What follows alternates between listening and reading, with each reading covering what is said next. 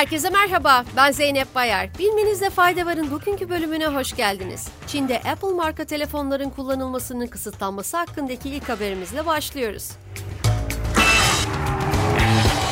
Wall Street Journal gazetesi, Çin'de hükümete bağlı kurum ve kuruluşlarda çalışanlara Apple'ın iPhone model akıllı telefonları ve diğer yabancı markalara ait modelleri iş yerlerine getirmemeleri talimatı verildiğini ileri sürdü.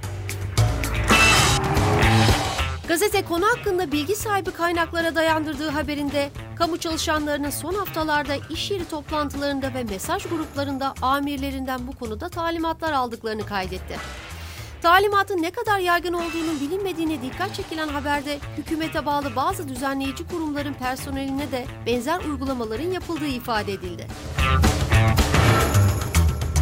Bloomberg geçen yıl yayınladığı haberde ülkede kamu kurumlarına Windows işletim sisteminin ve yabancı marka bilgisayarların kullanımını 2 yıl içinde yerli markalar ve açık kaynak kodlu alternatiflerle değiştirme talimatı verdiğini iddia etmişti. Sırada Avrupa Birliği'nin teknoloji şirketlerine getirdiği katı kurallar hakkında bir haberimiz var. Avrupa Birliği piyasadaki güçlerini sınırlandıracağı ve katı kurallar uygulayacağı 6 büyük teknoloji şirketini belirledi. AB Komisyonu'nun açıklamasında Alphabet, Amazon, Apple, ByteDance, Meta ve Microsoft'un ilk defa geçit denetçisi olarak sınıflandırıldığı, listeleyen şirketlerin sunduğu 22 temel hizmetin yeni yasa kapsamındaki ilave sorumluluklara uymak için 6 ay süreleri olduğu belirtildi. Microsoft ve Apple'ın bazı temel platform hizmetlerinde ağ geçidi olarak nitelendirilmeyeceği iddialarının değerlendirileceğine vurgu yapılan açıklamada, komisyonun özellikle Bing, Edge, Microsoft reklamcılık ve Apple iMessage'a ilişkin araştırma başlattığı kaydedildi. Bilim dünyasından kötü bir haberle devam ediyoruz. Birleşmiş Milletler Çevre Programı, deniz ve okyanuslardan yıllık 6 milyar ton kum çekildiğini ve bunun sonucunda sualtı biyolojik çeşitliliğin tehlike altında olduğunu açıkladı. Kum çekme miktarının kıyı ve deniz ekosisteminin yapısını ve işlevini sürdürmek için nehirlerin ihtiyaç duyduğu yılda 10 ila 16 milyar tonluk doğal yenilenme oranına yaklaştığı ifade edilerek bu durumun endişe verici olduğu vurgulandı. Aranızda çekilen kumların nerelerde kullanıldığını merak edenleriniz olacaktır. Denizden çekilen bu kumlar inşaatlarda çimento yapımından cam yapımına kadar birçok sektörde ve iş kolunda kullanılıyor.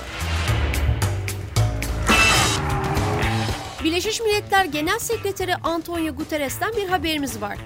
Genel Sekreter Guterres, şimdiye kadar kayıtlara alınmış en sıcak yazla ilgili iklim yıkımı başladı açıklamasında bulundu.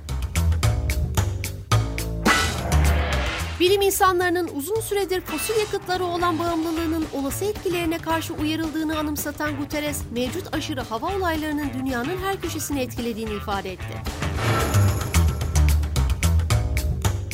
Artan sıcaklıkların daha fazla harekete geçme ihtiyacının doğurduğuna işaret eden Guterres, liderler iklim meselesinin çözümü için harekete geçmeli. Hala iklim krizinin en kötü noktaya gelmesini engelleyebiliriz. Kaybedecek vaktimiz yok dedi. Amerika Birleşik Devletleri'nden gelen şaşırtıcı bir haberle noktalıyoruz.